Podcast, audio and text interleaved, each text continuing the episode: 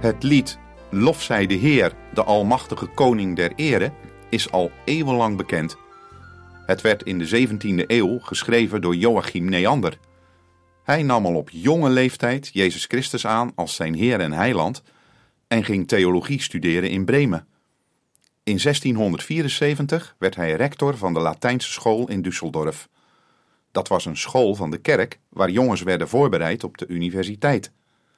Neander was een toegewijd christen die wel 60 kerkliederen heeft geschreven en vele andere van een melodie voorzag. Hij wordt beschouwd als de eerste belangrijke protestantse schrijver van liederen na de Reformatie. In heel Duitsland werden zijn liederen gezongen. In zijn genre springt Lof zij de Heer, de Almachtige Koning der Ere, er echt uit. Het lied wordt beschreven als een prachtige lofzang op God, misschien wel de mooiste creatie van de auteur en van de eerste rang in zijn klasse.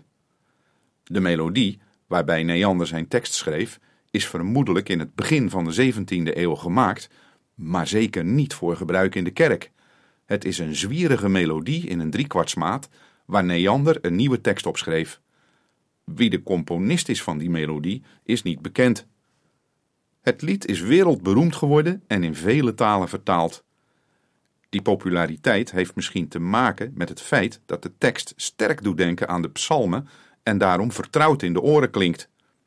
Er zijn vooral overeenkomsten met de onberijmde versie van Psalm 103, dat begint met: Loof de Heere mijn ziel en al wat in mij is, zijn heilige naam. Loof de Heere mijn ziel en vergeet niet één van zijn weldaden.